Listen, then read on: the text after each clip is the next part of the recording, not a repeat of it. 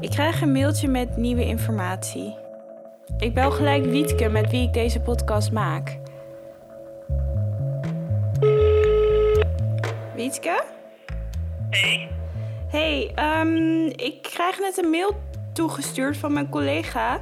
En ehm, nou ja, ik lees het even voor, oké? Oké.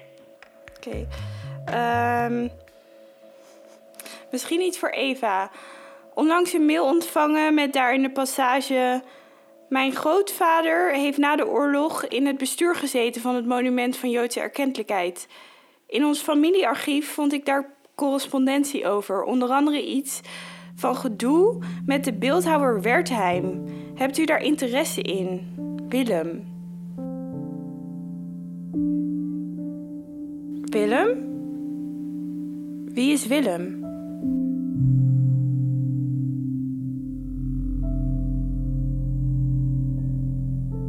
Hoi, ik ben Eva van Leeuwen en je luistert naar Versteende Schaamte, een podcast over het monument van Joodse erkentelijkheid. Een omstreden monument met een vergeten geschiedenis. Dit is aflevering 2. Geen dank. Ja. Nou ja, ergens is, is nog steeds het, echte begin van het monument is in een soort mysterie uh, ont, uh, ja, ge, gehuld. Ik eindigde de vorige aflevering met iemand anders die misschien aanzette tot de oprichting van het monument. Nou, die persoon is de afgelopen jaren in de Joodse gemeenschap vaak genoemd. Voordat ik deze informatie met jullie deel, wil ik wel benadrukken dat ik geen enkele andere bron heb gevonden die deze claim bevestigt. Geen document, geen handgeschreven briefje, alleen een interview door kunsthistoricus Jan Theeuwissen met oud-comitélid Bob Nijkerk. Hij is de eerste en enige die dit verhaal heeft verteld. Goed, nu je dit weet, zal ik je hier meer over vertellen. Nijkerk zei tijdens dit interview iets opmerkelijks. Volgens hem had koningin Wilhelmina opdracht gegeven om vooraanstaande Joden bijeen te roepen om hun vervolgens mede te delen dat ze het gek vond dat ze zo weinig dank betoond hadden aan hun Nederlandse onderduikadressen. Nijkerk impliceert tijdens dit interview dat dit de reden was voor de oprichting van het comité en de oprichting van het monument. Deze oprichting zou dus op Royal Command hebben plaatsgevonden. Over de echtheid van dit verhaal kan historicus Bart Wallet ons meer vertellen. Nou, er is, de, de, grote vraag is, ja, zit daar nog iets voor? Hè? Is die, uh, de, de uh, nou, Maupi, hè, zoals de, Ma Maupi de Hartog, dat is natuurlijk de, de initiator, de grote man eigenlijk daarachter. Ja, uh, is, is het hem ingefluisterd of niet? Nou, uh, zoals je wellicht weet, hè, er is een, een, een, verhaal dat koningin Wilhelmina daarachter zou zitten. Uh, dat is natuurlijk een, een mooi verhaal, uh, en, uh, maar het is, dat is niet hard te maken. Dus wij hebben in ons onderzoek ook wel ge gekeken van hè, wanneer bijvoorbeeld is Wilhelmina in Amsterdam geweest, zou dat tijdens een van die bezoeken aan Amsterdam, zou er een ontmoeting ge geweest kunnen zijn tussen de hartog en, Wilhelmina? Of is er een van haar adjudanten misschien in contact met de hartog geweest? Nou, dat kunnen we eigenlijk allemaal niet hard maken en niet vaststellen. Dus het blijft een verhaal. Het is dus maar een verhaal, maar waarom is het blijven hangen? Waarom denken mensen dat koningin Wilhelmina dit monument wilde? Ook al is Wilhelmina niet degene die dat initiatief heeft genomen, niet heeft gezegd... Um, lieve Joodse gemeenschap, we wachten eigenlijk op een, uh, op een monument van jullie... om jullie dankbaarheid aan de Nederlandse samenleving te tonen. Dan kun je natuurlijk wel zeggen dat dit eigenlijk een breder sentiment... Uh, in, de, in de Nederlandse samenleving op dat moment uh, vertegenwoordigde. En dat bredere sentiment heeft natuurlijk heel sterk mee te maken dat uh, eigenlijk al, al vrij snel na de bevrijding er een, zelfbeeld ontstaat van Nederland als, uh, ja, als een verzetsnatie. Dat, dat het idee eigenlijk is dat het, het hart, de kern van de Nederlandse samenleving, dat zijn de verzetstrijders. En um, daar heeft een, een, schil omheen gezeten van allerlei mensen die uh, zelf niet actief in het verzet uh, hebben gezeten, maar daar wel uh, ja, hun sympathie aan hebben geuit. En dat, dat dat echt ja, het, het Nederlandse volk is. En natuurlijk zijn er rotte appels geweest, hè, maar dat zijn eigenlijk geen echte Nederlanders. Dus die kunnen ook niet bepalend zijn voor het zelfbeeld van die Nederlandse samenleving. Want die Nederlandse samenleving, ja, die heeft uiteindelijk tijdens die vijf oorlogsjaren um, ja, uh, zich op alle mogelijke manieren uh, geweerd hè, tegen de bezetting. En ja, is daar eindelijk met wat hulp van buitenaf de, de geallieerden in geslaagd om, om dat juk van zich af te, te werpen. Um, en eigenlijk is dat zelfbeeld heel erg bepalend, hè, want dat, dat is ook de blik waardoor naar de Joodse gemeenschap wordt, wordt gekeken. Wat Bart Wallet hier benoemt, wordt ook wel de verzetsmythe genoemd. Dat moet ik even uitleggen. Na de oorlog ontstond het verhaal over een klein maar dapper volk dat zich eensgezind had verzet tegen de nazi's. Collectief verzet dus. De nazi's waren de boeman en de Nederlanders de helden. Natuurlijk waren er wel rotte appels, zoals NSB'ers en Nederlandse nazi-sympathisanten. Zij werden ook vervolgd voor hun daden en werden afgeschilderd als door en door slecht. Maar het overgrote deel van de bevolking heeft weerstand geboden volgens de verzetsmythe. Het monument van Joodse erkennelijkheid onderschreef dus deze verzetsmythe.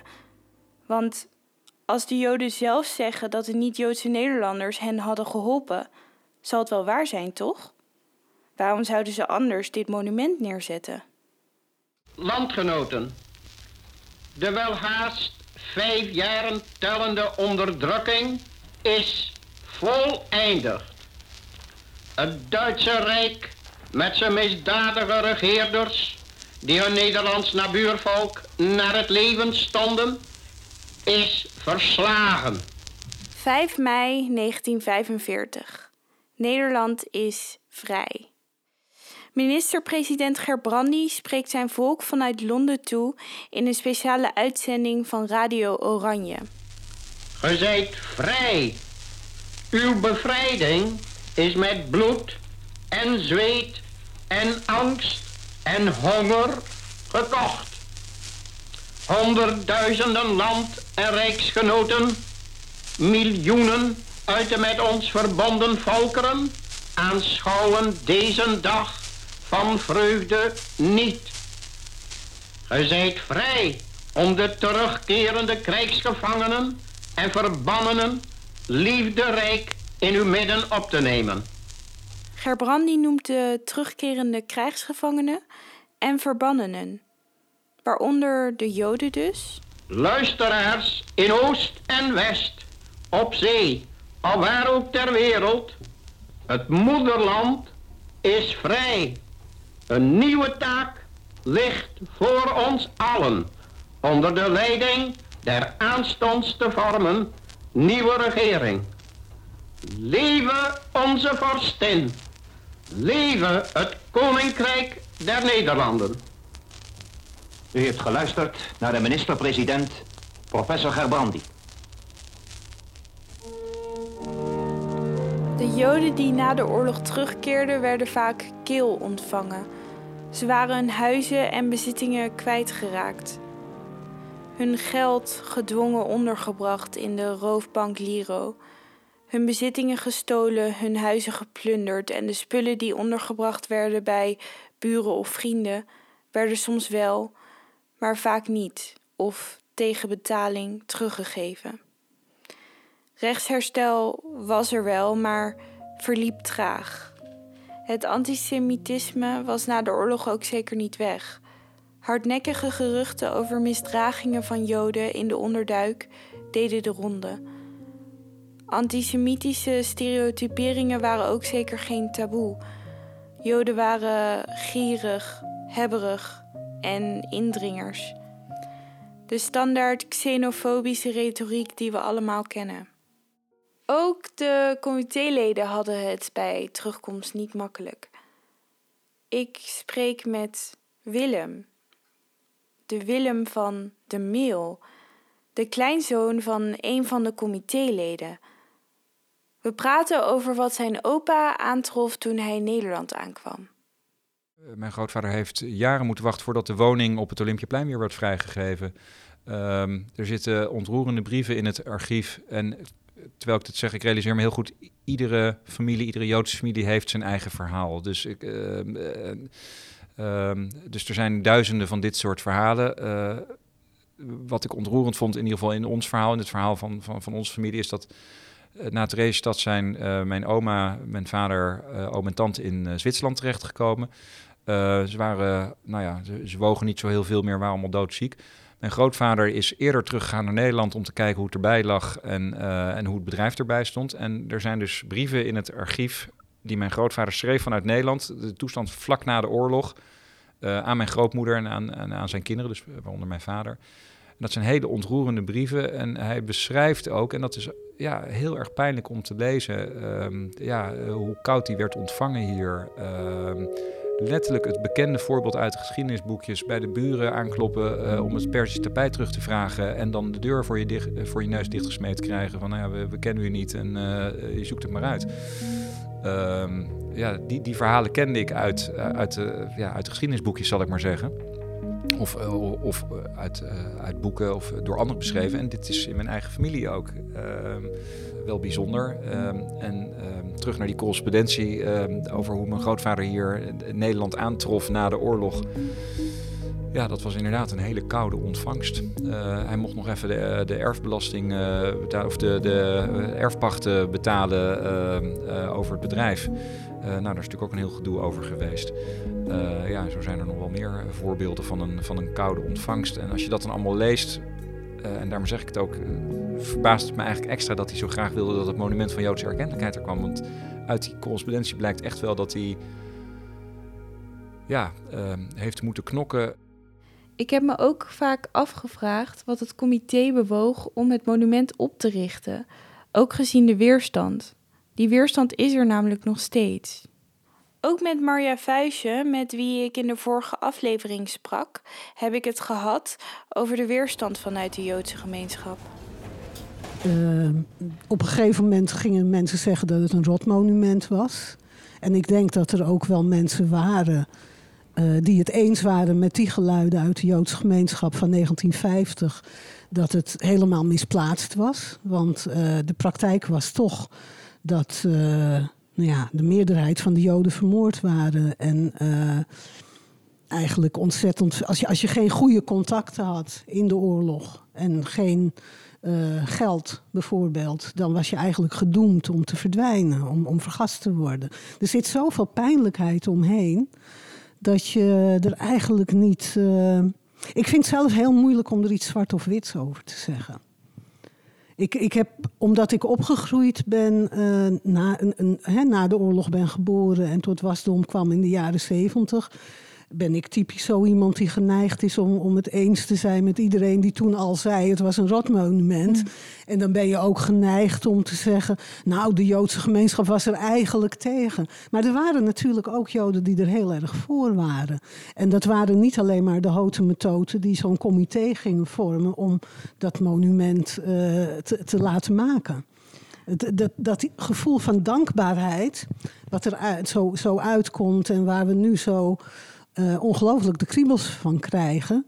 Het was een, een, vorm van dankbaarheid die er ook wel degelijk onder, uh, onder Joden die het hadden overleefd was. Uh, Joden van wie de kinderen ondergedoken waren bij aardige katholieken of aardige gereformeerde mensen, toch wel ook, ook die gevoelens hadden van. Maar we, we werden als één beschouwd. En er, er is voor allebei wel iets te zeggen. Het is, het is maar ik, ik weet bijvoorbeeld, ik, ik, ik had een oom die, uh, die heel erg in die gevoelens ook meeging. En dat was, uh, die, die was arbeider gebleven, ook na de oorlog. En uh, hij had een hele wonderlijke onderduikgeschiedenis. Maar hij had echt ook dat gevoel van, van één. Het enige bezwaar wat hij dan weer tegen dat monument had, was dat het woord God erin voorkwam. Want hij was dan weer een echt een, een, een grote atheïst. Dus er waren wel degelijk Joden die dankbaarheid wilden tonen. Dankbaarheid, dat is toch eigenlijk iets heel raars. Het is een terugkerend thema, een rode draad, maar ik krijg toch onvrijwillig de kriebels als ik daaraan denk. Waarom zouden Joden dankbaarheid moeten tonen en waarvoor dan? Ik heb een afspraak gemaakt met Arnon Gumberg om hierover te praten. Op een zonnige middag loop ik enigszins gespannen naar de ontmoetingsplaats. Hij is schrijver en na zijn roman schreef hij ook over de Holocaust en het herdenken hiervan. Ik hoop dat hij me meer kan vertellen over dankbaarheid. Ik nam het gesprek op met mijn telefoon. Vandaar dat het fragment wat minder goed klinkt. Maar tegelijkertijd is natuurlijk ook de vraag: moet je, daar, moet je dat in de vorm van erkentelijkheid? Kan je erkentelijk zijn voor iemand die je leven redt? Dat is zo groot. Kijk, ik kan erkentelijk zijn als ik mijn portemonnee verlies en jij geeft het aan mij terug. Ja, dan ben ik erkentelijk. Maar als ik drie jaar bij jou heb ondergedoken gezeten, dan is eigenlijk erkentelijkheid te groot. Net zoals ik denk als bijvoorbeeld bepaalde misdaden. Kijk, als je me iets kleins aan doet, kan ik boos zijn en wraak. Maar ik denk, boos zijn op de nazi's is natuurlijk ook absurd. Je bent niet boos op de genocide, denk ik. Ik heb ook bijvoorbeeld bij mijn ouders daar, die toch direct slachtoffers waren, nooit op die manier woede of zelfs wraak. Nee, daarvoor, daarvoor was het te groot. En tegelijkertijd denk ik, hebben ze natuurlijk zelf ook, ondanks alles wat ze hebben meegemaakt, altijd weer momenten van menselijkheid ondervonden. Mijn moeder in de kampen, ook van Duitsers. En mijn vader was natuurlijk ondergedoken bij diverse mensen die, die in Nederland, waar die ook. Um, nee, dus het, het, is niet een eenduidige conclusie over, over de mensen, een eenduidige conclusie over wie, wie, wie Nederlanders zijn of wie Duitsers zijn, maar wel ik denk dat je kan zeggen dat erkentelijkheid niet, niet helemaal het juiste woord is. Nee. Daar zou iets anders voor, voor moeten gevonden worden. En in de tijd wist men kennelijk niets beter. Ik denk ook dat het te maken heeft natuurlijk met, met de hoop. Omdat, zoals je ook weet, heel veel Joden die terugkwamen zijn niet al te hartelijk ontvangen.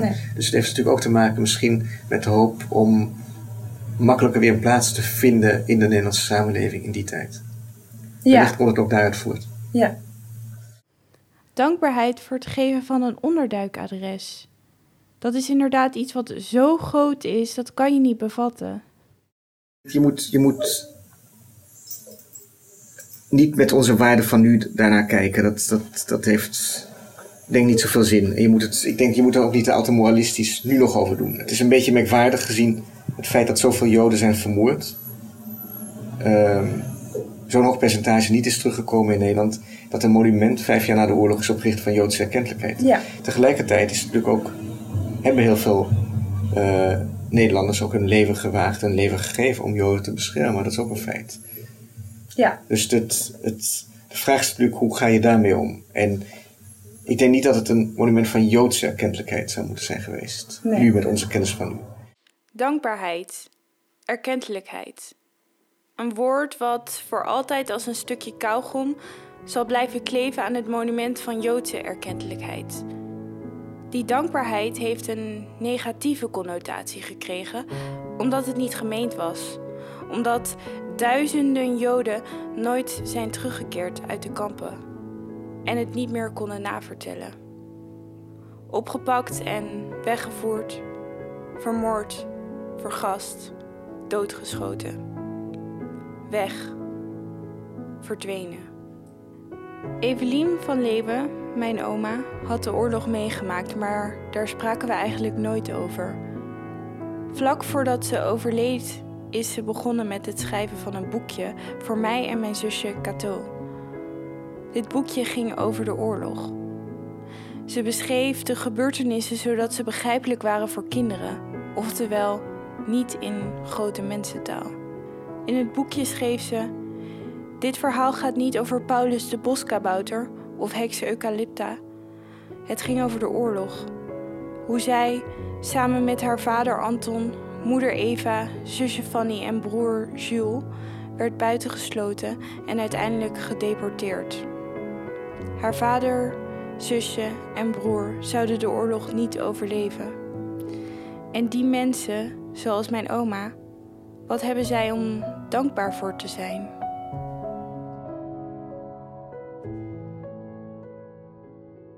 We kunnen wel stellen dat het monument niet goed ontvangen werd. Er werd nooit herdacht. Niemand keek er naar om.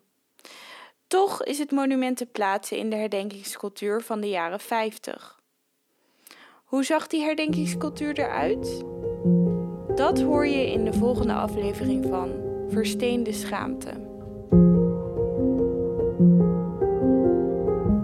Het onderzoek, het script en de interviews deed ik zelf, Eva van Leeuwen.